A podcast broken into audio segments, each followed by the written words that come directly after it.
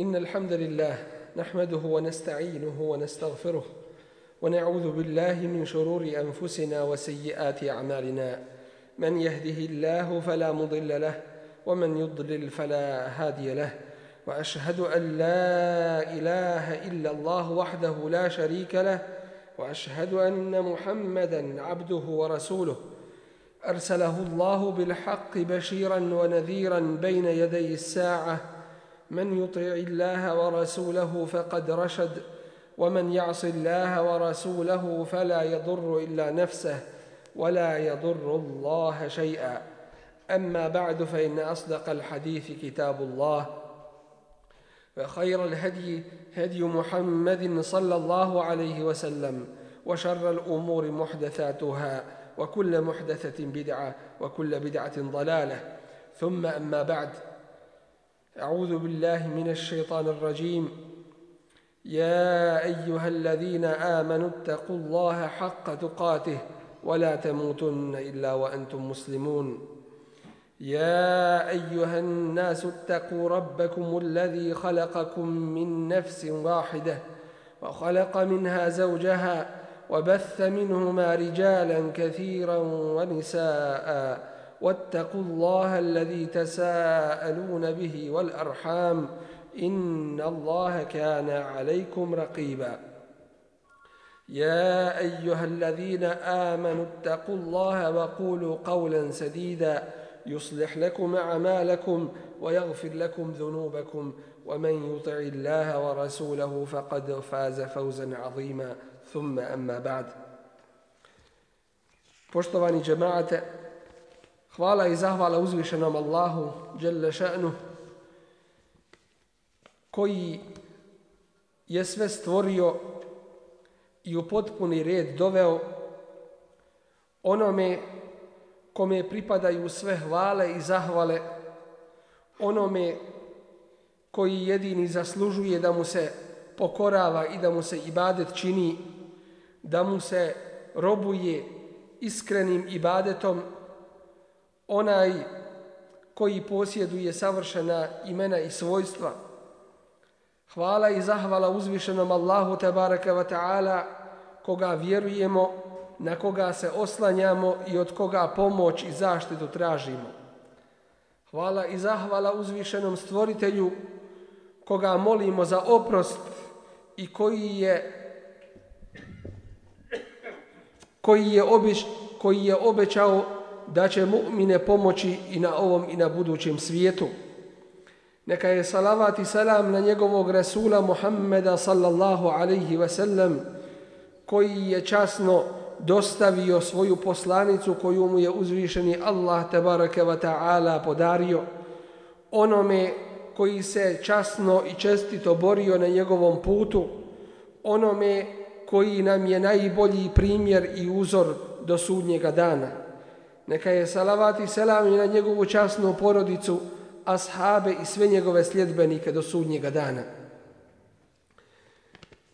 Jedno od najvažnijih svojstava kojim se okitila pobjedonosna i spašena i podpomognuta skupina ovoga ummeta jeste znanje. Čisto izvorno i čvrsto znanje.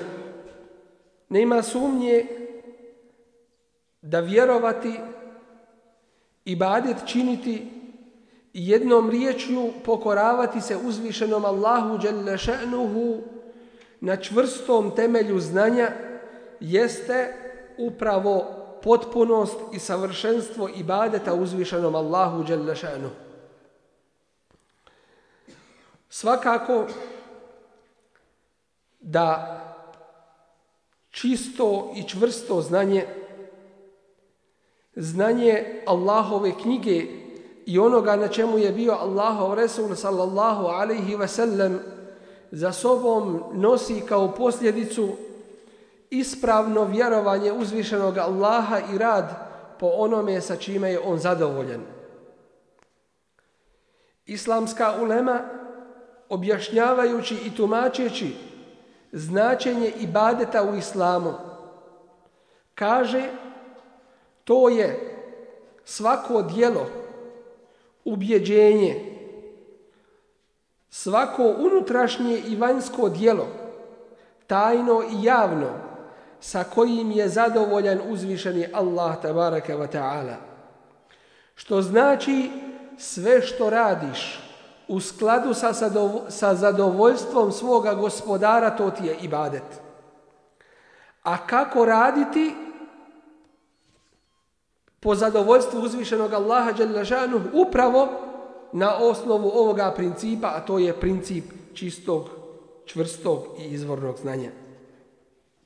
Allahovi poslanici, svi do jednog, kao i vjerovjesnici, propovjedali su među ljudima čisto obožavanje uzvišenog Allaha dželešanu, življenje i umiranje zbog njega i za njega. Učili su ljude i govorili kunu rabbanijin bima kuntum tuallimun al kitabe wa bima kuntum tadrusun. I budite Allahovi, Allahu predani i na Allahovoj strani zbog toga što vi poučavate druge Allahovoj knjizi i zbog toga što vi učite. Dakle, po čemu se postiže svojstvo pripadnosti uzvišenom Allahu Đalešanuhu i opredjeljenja za uzvišenog gospodara upravo po ovome znanju, to jeste po znanju knjige, po učenju i po poučavanju drugih. Svojstvo znanja treba dakle da bude osnovna i najvažnija karakteristika spašene i podpomognute zajednice muslimana. Danas posebno je važno da se o ovome govori zbog toga što je ovaj naš islamski ummet svojim grijesima, prije svega neznanjem, a zatim pogrešnim radom što je ovaj ummet doveo sebe na takav nivo da uzvišeni Allah sa ovom, sa ovom situacijom nije zadovoljen. Tako su na mnogim mjestima neprijatelji Islama ovladali muslimanima i, i muslimanskim zemljama. Tako ćemo vidjeti da su muslimani u jednom poniženom položaju u svijetu, da se dobra koja su u muslimanskim rukama najviše iskorištavaju od strane drugih, da se vode ratovi upravo ondje gdje muslimani pokušavaju da dođu u sebi i da se osvijeste. Vidimo ove mnoge musibate koji su danas pogodili svijet time što su zavladali najgoriji, time što su uspostavljeni kamatni sistemi koje uzvišeni Allah mrzi i zabranjuje, time što se trguje ljudskom krvlju i životima, time što ćemo vidjeti da se obožava sve i svašta, a najmanje onaj koji je doličan obožavanja, a to je uzvišeni Allah te baraka wa ta'ala. Vidjet ćemo da se širi masovno nemoral. Vidjet ćemo da je taj nered nastupio kako na zemlji, tako i u zraku i na moru. Vidjet ćemo da taj nered nije zaobišao ni stoku, Tako da se mnoge bolesti među stop, stokom pojavljuju kao musibet nama ljudima i posljedica onoga što mi radimo i činimo. Da bismo izašli iz ovoga potlačenog položaja i situacije sa kojom uzvišen je Allah nije zadovoljan, dužni smo za, da se zapitamo da li mi imamo pri sebi ova svojstva koja se moraju naći pri spašenoj i podpomognutoj skupini mu'mina pri onoj skupini koju je uzvišeni Allah obećao svoju pomoć. Svakako da između ovih svojstava jeste i svojstvo znanja koje mora kod nas da se nađe. Kada govorimo o znanju koje treba da bude prisutno u ovome ummetu, u ovome narodu, to jeste u sljedbenicima Resula alaihi salatu wasalam, to prije svega znači da to bude njihovo karakteristično svojstvo, to jeste da u svakom njihovom safu bude onih koji će poučavati ljude pravome znanju. To ne znači svakako da je to skupina koja ne griješi. To isto tako ne znači da će svaki pojedinac te skupine biti alim i učenjak, biti onaj koji daje fetve. Isto tako to ne znači da će svi pojedinci te spašene i podpomognute skupine, da će svi biti istoga znanja. Već upravo ono što treba da znamo u ovome jeste da u svakome safu ovoga džemata, to jeste u svakome safu ovoga ummeta, dužnost je da bude onih koji će poučavati ljude onome što je ispravno od Allahove vjere. I zato je nužno da među sobom imamo ulemu, to jeste one koji znaju, znaju pravo i izvorno znanje i koji se ne ustručavaju ljudima to znanje, to znanje širiti. Ulema je ta među ljudima koja je dužna poučavati konstantno i neprestano. Dužna je poučavati ljude dobro, poučavati ljude propisima ove vjere, i onome sa čime uzvišen je Allah tabaraka wa ta'ala zadovoljan i šta traži od njih, kao i onome čega treba i dužni da su, i čega su dužni da se klone. Isto tako, uloga u leme, u društvu i jednoj zajednici jeste da odgovaraju na pitanja koja se pojavljuju među muslimanima tako da znaju postupati i raditi po Allahovoj dželle šanuhu volji. U mnogim situacijama vidjet ćemo proučavajući istoriju da je jedan od glavnih uzroka uništenja, propasti i nesreća prošlih naroda upravo bilo gubljenje znanja ili svođenje znanja samo na jednu skupinu ljudi koji su to znanje skrivali i nisu ga ljudima tumačili zbog svojih ličnih koristi. Tako ćemo vidjeti da kod židova posjedovanje znanja se ograničilo na samo jednu skupinu. Oni su, kao što znamo, skupina koja se ubraja u ehli kitabije, to jeste one koji imaju knjiga od uzvišenog Allaha data, ali su oni uzeli tu knjigu sobom iskrivljavati. Pa ćemo vidjeti da ih uzvišeni Allah opisuje kao narod i kaže la ya'lamun al-kitaba illa amani i tako je do današnjeg dana.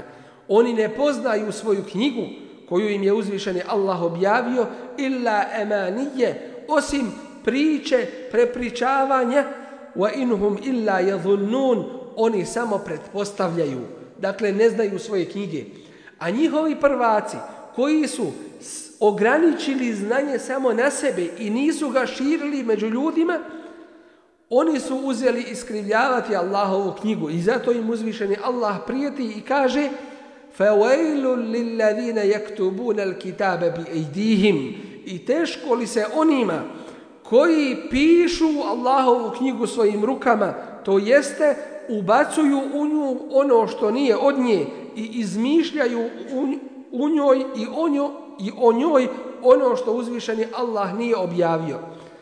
Teško li se njima zbog onoga što pišu njihove ruke, فويل لهم مما كتبت أيديهم وويل لهم مما يكسبون i teško li se njima zbog toga što oni zarađuju to jeste zbog toga što prodaju svoju vjeru da bi dobili sitnu i neznatnu i prolaznu dunjalučku korist isto tako ćemo ih vidjeti do današnjeg dana da oni to znanje skrivaju i da kore one među sobom koji hoće među ljudima da prošire to znanje i govore etu hadithunahum bima fataha Allahu alaikum li uhađukum bihi inda rabbikum efe la ta'qilun zar ćete govoriti to jeste zar ćete vi muslimanima govoriti ono zbog čega će imat opravdanje pred vašim gospodarom Zar ne imate pameti? To jeste, ne govorite muslimanima pravu vašu vjeru, jer će vidjeti da u stvari prava vjera je ona koju je uzvišen je Allah objavio i da je to ona vjera na koju su muslimani. Isto tako naći ćemo ih da iskrivljavaju znanje.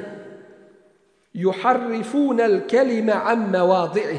Allahova knjiga u onoj mjeri gdje je ostala čitava i nepromijenjena, oni pokušavaju da iskrivljavaju značenja njena.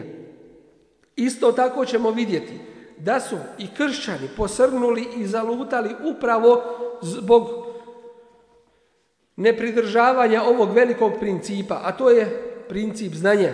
Pa ćemo vidjeti da su za razliku od židova koji su znali, a nisu htjeli raditi, oni su izgubili znanje, a htjeli su da rade. I zato ćemo vidjeti da su u Kur'ani da su u Kur'ani Kerimu nazvani ad-dallun, to jeste oni koji su zalutali i otišli na krivi put za razliku od židova koji su opisani kuranskim riječima al-maghdubu alejhim na koje se uzvišeni Allah rasrdio. Dakle, situacija kršćana je drugačija bila, a to je da su izgubili znanje zbog nešto zbog svoga nemara, nešto zbog pritisaka u kojima su živjeli u to vrijeme i zbog teškoća, izgubili su znanje i onda su skrenuli sa pravoga puta. I uzvišen je Allah kaže وَلَا تَتَّبِعُوا أَهْوَاءَ قَوْمٍ قَدْ ضَلُّوا مِنْ قَبْلُ وَأَضَلُّوا كَثِيرًا وَضَلُّوا عَنْ سَوَاءِ السَّبِيلِ I ne slijedite strasti onih koji su još prije zalutali i koji su mnoge na krivi put zaveli i koji su skrenuli sa pravoga i ispravnog puta. Vidjet ćemo takve među kršćanima koji pokušavajući da ubijede svoj narod i svoje sljedbenike u ispravnost onoga što je neispravno, oni iskreću svoje jezike – pa ih uzvišeni Allah opisuje riječima wa inna minhum la fariqan yalwuna alsinatahum bil kitab litahsabuhu min al kitab wama huwa min al kitab ويقولون هو من عند الله وما هو من عند الله ويقولون على الله الكذب وهم يعلمون Imađu njima ima jedna skupina koja iskreće svoje jezike čitajući knjigu, da vi mislite da je to knjiga, a to nije knjiga Allahova. I govore, to je od Allaha, a to nije od Allaha. I govore na Allaha laž, a oni su svjesni toga što čine. To jeste, pokušavaju svoje narode zavarati, iako su znanje izgubili. Kao posljedica svega ovoga, vidjet ćemo da su oni uzeli da da su uzeli i pokušali da prisvoje prava uzvišenog Allaha Đelešanuhu. A to jeste, pokušali su da budu ti koji neprikosnoveno propisuju vjeru. Da oni uspostavljaju šta je dozvoljeno, a šta zabranjeno. I zato uzvišeni Allah za njih kaže i tehadu ahbarahum wa ruhbanahum erbaben min dunillahi wal mesiha ibn Marjam uzeli su svoje učenjake i svoje monahe i sveštenike za božanstva mimo Allaha. Dakle, uzeli su umjesto da šire pravo i izvorno znanje i po njemu rade, oni su sebe uspostavili tim koje ljudi počinju slijediti mimo uzvišenog Allaha. I zato iz ovoga zaključujemo vrlo lahko jednostavno da ova dva principa moraju da se nađu u našem ummetu. A to je čisto, čvrsto i izvorno znanje i rad po tome znanju. Inače, ako se nađe jedno od ovoga dvoga, a ne oba dvoje, bit ćemo slični jednoj od dvije spomenute skupine. Ako se nađe znanje, a ne bude rada po tome znanju, bit ćemo slični vrlo slični i bliski židovima, a ako se ne nađe znanje, a hoćemo da radimo bez znanja, onda ćemo biti bliski i slični kršćanima. Put ovoga ummeta i spašene zajednice jeste put znanja i rada po tome znanju. I ovo znanje, da napomenemo, nije znanje radi znanja. To jeste, nije znanje da bi se reklo ja znam, već je znanje da bi se po njemu radilo i da bi se udovoljilo uzvišenom Allahu dželle šanu. Ovo znanje ne podnosi ljudske strasti. To jeste, ono je zasnovano na Allahovom znanju i njegovoj mudrosti. I zato nam uzvišeni dželle šanu kaže: "Thumma ja'alnaka ala šari'atin min al-amr." O Allahov poslanice, zatim smo te učinili na jasnom putu vjere fattabi'aha pa ga slijedi wala tattabi'a ahwa alladhina la ya'lamun in slijedi strasti onih koji ne znaju innahum lan yughnu 'anka min Allahi shay'a oni zaista ništa ti neće moći koristiti kod Allaha dželle što znači ako je ovaj govor upućen Resulullahu sallallahu alejhi ve sellem kao što jeste i kada se njemu kaže da neće koristiti mu niko pred Allahom Đelešanom tako i svima ostalima. I zato naš ummet ne smije sebi dozvoliti da ga vode neznalice. Naš ummet ne smije sebi dozvoliti da vladaju među nama ljudski prohtjevi, jer u tom slučaju dolazi do dijeljenja našeg ummeta, do dijeljenja naših džemata na, na razne frakcije, na razne grupacije koje ne imaju osnove u Allahovoj tebaraka wa ta'ala vjeri. Dužno svih muslimana jeste da se prihvate Kur'ana i prakse Resula alaihi salatu wasalam, a ne da se dijele po mjestu stanovanja, po naciji, po ovim ili onim koristima. Uzvišen je Allah nam kaže فإن تنازعتم في شيء فردوه إلى الله والرسول إن كنتم تؤمنون بالله واليوم الآخر أكذا سأنشم رزيجته أندا سأبرادت الله إن يقوم رسوله to jeste Kur'anu i sunnetu Rasula alaihi sallatu wasalam pod uslovom ako vjerujete Allaha i sudnji dan. To jeste ne bi smjelo među muslimanima da bude ovoga razilaženja na nacionalnim, geografskim, interesnim i drugim osnovama. Ovaj ummet je jedan ummet koji je dužan da slijedi Allahovu uputu svi do jednoga. Isto tako treba napomenuti, treba napomenuti da u vremenu kada su muslimani napustili ovo znanje, mnogi su došli da, da tumače ovu vjeru kako im odgovara. Tako ćemo naći one koji govore ja sam usnu svome vidio i meni je u srce leglo i meni je došlo kada sam spavao i tako dalje. Kao da se vjera uzima iz snova, kao da se vjera uzima po onome što čovjek osjeti u svome srcu. Vjera se, kao što smo rekli, uzima samo iz čvrstih osnova. I zato treba napomenuti da dvije osnovne osobine treba da se nađu kod učenjaka, kod uleme, kod onih koji tumače ovu vjeru. Prvo i osnovno svojstvo jeste svojstvo čvrstoga i čistoga znanja. Znanja Kur'ana i sunnata Rasula alihi salatu wasalam. I onoga na čemu su bile prve tri generacije ovoga ummeta, es salih, to jeste ashaba, tabiina i tabi i tabiina. Zatim treba taj alim da bude od pobožnih. To jeste od onih koje će njegova pobožnost i bogobojaznost spriječiti da iskrivljuje to znanje koje ima ili će ga spriječiti da ga sakriva. Dakle, ova dva osnovna svojstva treba tražiti kod učenih. Prvo je čisto i čvrsto znanje, a drugo svojstvo takvaluk, bogobojaznost koja treba kod njih da se nađe. Čovjek, dovoljno nam je da znamo da će biti pitan na sudnjem danu i neće mu se pomjeriti noge, neće se pomaknuti sa svoga mjesta dok ne odgovori na četiri pitanja. Jedno od ta četiri pitanja jeste wa an ilmihi hal amila bih i bit će pitan o svome znanju da li je po njemu radio. Dakle, iz ovoga vidimo ogromnu i veliku važnost znanja. Isto tako, mnogi kuranski ajeti kao i hadisi Resula alihi salatu wasalam upočuju nas na nužnost i važnost ispravnog znanja. Kur'anski ajet nam vrlo jasno kaže innama jahša Allahe min ibadihi l'ulema samo se istinski Allaha boje učeni. To jeste to izvorno znanje koje ćete dovesti do takvaluka i bogobojaznosti. To je to znanje koje je svakome nužno. Isto tako ovdje treba napomenuti da su dvije vrste znanja.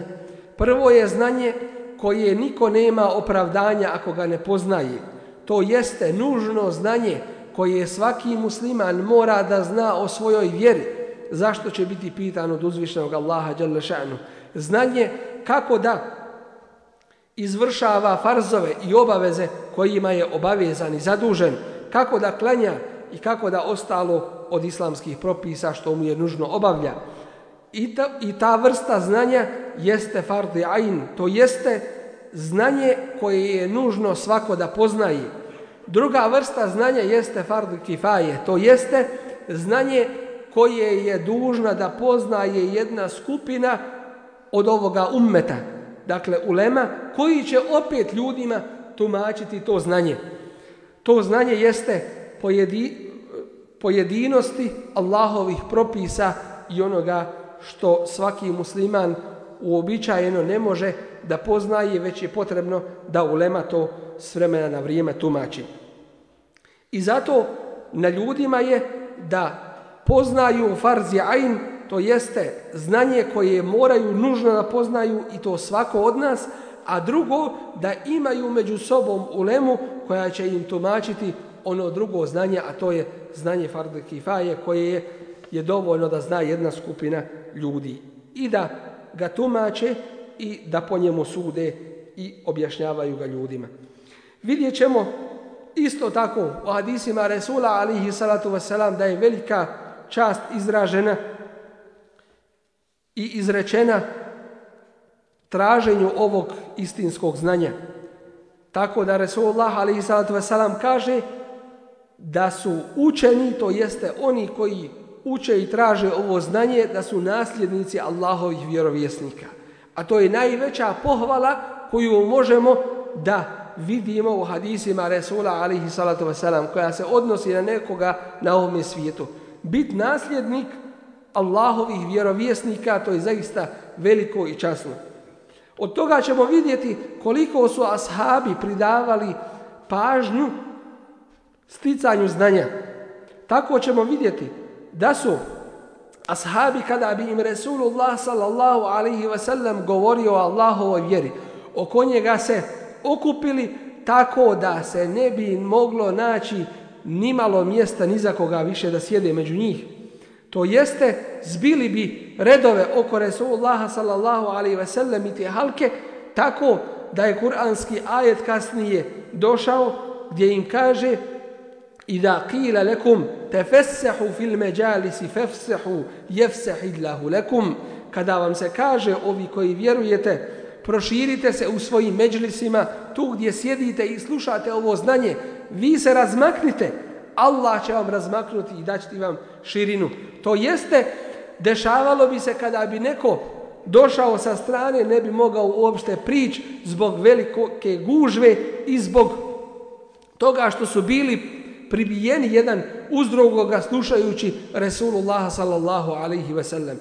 Isto tako ćemo vidjeti da je Allahov Resul alaihi salatu ve selam još dok je bio u Mekki da se sastajao sa svojim ashabima u kući koja je u stvari postala prava škola i medresa u kući Erkam ibn Abel Erkam. Erkama, koji je u stvari koja je u stvari dala najbolje generacije ovoga, ovoga ummeta. Isto tako ćemo vidjeti koliko su ashabi bili zagrijani za traženje ovoga znanja, da je zapamćeno da je Omer radijallahu anhu sa svojim komšijom, da se zamjenjivao, pa bi on jedan dan otišao da sluša Resula alihi salatu wasalam, a njegov komšija bi radio na njivi.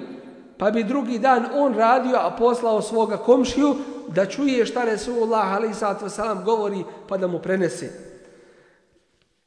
Što se tiče tabiina i tabi i tabiina, dovoljno nam je primjera istorija Islama dala, a dovoljno je samo da napomenemo da su neki od njih znali po mjesec dana putovati da čuju samo jedan hadis Resulullaha sallallahu alaihi ve sellem.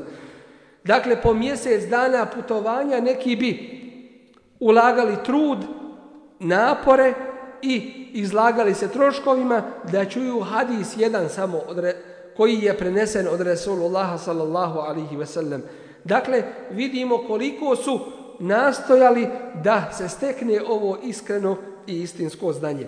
Na nama ostaje ovdje još da napomenemo, zbog kratkoće vremena samo, šta nam je dužnost da mi učinimo danas.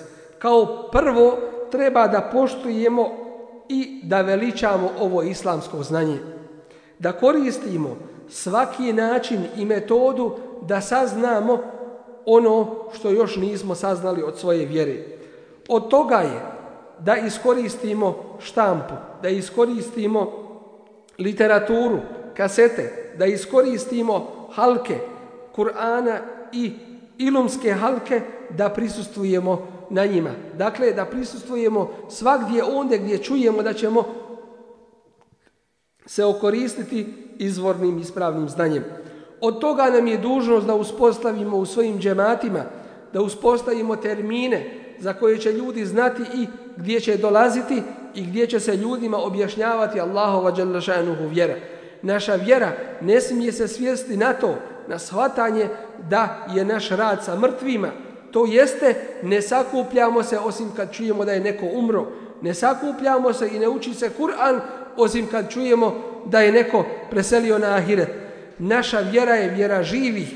Kur'an je objavljen da opomene žive, kao što uzvišeni Allah u sura Jasin kaže li yunzira men kana hayyan wa yahiqq al-qawl 'ala al-kafirin da opomene one koji su živi i da se ostvari Allahova riječ u pogledu kafira.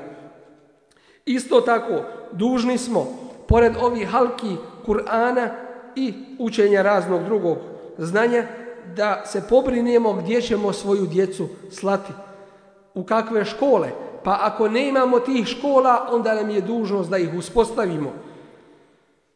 Isto tako, treba da se pobrinemo da među nama imamo onih koji će sticati islamsko znanje, tako da onaj ko ima sinove za sticanje znanja da ih pošalje na islamske studije, i to na mjesta gdje se stiče izvorno islamsko znanje, da ih pošalje u Meku i Medinu i onda gdje uvijek, još uvijek ćemo naći izvorno znanje, a ne svoju djecu da šalju na Sorbonu, da šalju na Cambridge i druge univerzitete nemuslimana, da iskrivljenu sliku dobivaju o islamu i nakon toga takvu iskrivljenu sliku muslimanima da prenose. Isto tako, dužni smo da ako ne imamo mi onoga koga ćemo poslati da studira i da se okiti ovim pravim znanjem, onda da pomognemo one koji su smogli snage i mogućnosti da odu, da ih pomognemo da što prije dobijemo one koji će doći sa ovim čistim znanjem da nam ga šire. Isto tako, treba da se potrudimo da među sobom u džematima imamo ulemeni, ili u najmanju ruku da imamo stalni kontakt sa ulemom. Ovdje, kada čujemo danas za smrt nekog od poznatih alima, vidjet ćemo da se puno ne mijenja situacija. Vidjet ćemo da ljudi uopšte ne osjećaju taj nedostatak. Skoro je preselio jedan od najvećih alima današnjice, šej Muhammed al-Uthaymin, Mi nismo toliko ovdje, možemo reći, osjetili za njegovu smrt. Zašto? Zato što naša povezanost sa ulemom nije onakva kakva bi trebala da bude. Dakle, kontakti i veza sa ulemom. Pitanje uleme o svim pitanjima našeg života. Jer Islam nije došao samo da nam uredi džamije, već da uredi cjelokupni naš život i u našim kućama i onda gdje radimo i u svim našim poslovima. Isto tako, treba da se pripremimo za jedna teža vremena. Nije moguće kada nam navali neprijatelj i kada neprijatelj dođe da nas uništi i da nas napadne, nije tada moguće tražiti ulemu, okupljati se oko uleme i učiti propise džihada, učiti propise borbe na Allahovom putu i tako dalje. To je potrebno sada da sjedemo, da to detaljno proučimo, razradimo i naučimo, da jedni druge preispitamo, jer tada se radi o životu i smrti, tada se radi o pitanju smiješ li ili ne smiješ i šta si dužan tada da uradiš. Jer tada nekada ljudsko dijelo može čovjeka izvesti iz vjere. I zato pripremajmo se danas prije nego što dođe vrijeme kada više neće moći se pripremati niti biti prilike za to. Isto tako, uradimo sve što smo u mogućnosti da ovo znanje koje čujemo proširimo na svoju djecu i na naše porodice. Jer se ne može zamisliti, niti je ispravno, da nađemo džematliju u džamiji koji je ovdje često među, među džematlijama i koji prati ovo islamsko znanje, a kada se vrati kući, vraća se u sasvim drugi svijet, da ne govori uopšte o svojoj vjeri, već nasuprot tome naći ćemo da njemu žena vazi ili da mu djeca naređuju suprotno islamskim propisima, to se jednom vođi porodice, jednome kome je porodica data u emanet ne smije ni pošto desiti. I zato mi radimo da drugi se nama ne zabave. To jeste, proširimo ovo ispravno i izvorno znanje među svojim porodicama. A Allah uzvišeni je, je dao mogućnost da danas možemo nas, na mnoge načine to da ostvarimo. Molim uzvišenog Allaha te bareke ve taala da nam na tome putu pomogne. Budimo oprezni od koga ilom uzimamo. Ne uzimajmo bilo šta, jer uzvišeni Allah te bareke ve taala ne prima osim ono što je čisto i ispravno. Danas dužnost nam je da napomenemo, postoje posebni instituti i univerziteti koji se bave proučavanjem islama, ne da bi ga upoznali, niti da bi ga širili, već da bi sliku muslimanima i drugima o njemu iskrivili. Danas ćemo naći one koji ostavljaju Allahov govor, onakav kakav jeste, u njegovim slovima i harfovima, ali ga iskrivljavaju u njegovim značenjima i pokušavaju da ga krivim predstave među ljudima. Danas ćemo naći isto tako da se ljudima predstavlja islam onakav kakav on nije. Da je islam vezan samo za džamije, a ne za cijelokupni ljudski život. Budimo oprezni u pogledu svoje vjere. Ne dopustimo da budemo zavarani i potrudimo se da ovaj najveći emanet koji nam je dat od uzvišenog Allaha na najbolji način ispunimo. سبحان ربك رب العزة عما يصفون وسلام على المرسلين والحمد لله رب العالمين أقول قولي هذا وأستغفر الله لي ولكم ولسائر المسلمين من كل ذنب فاستغفروه إنه هو الغفور الرحيم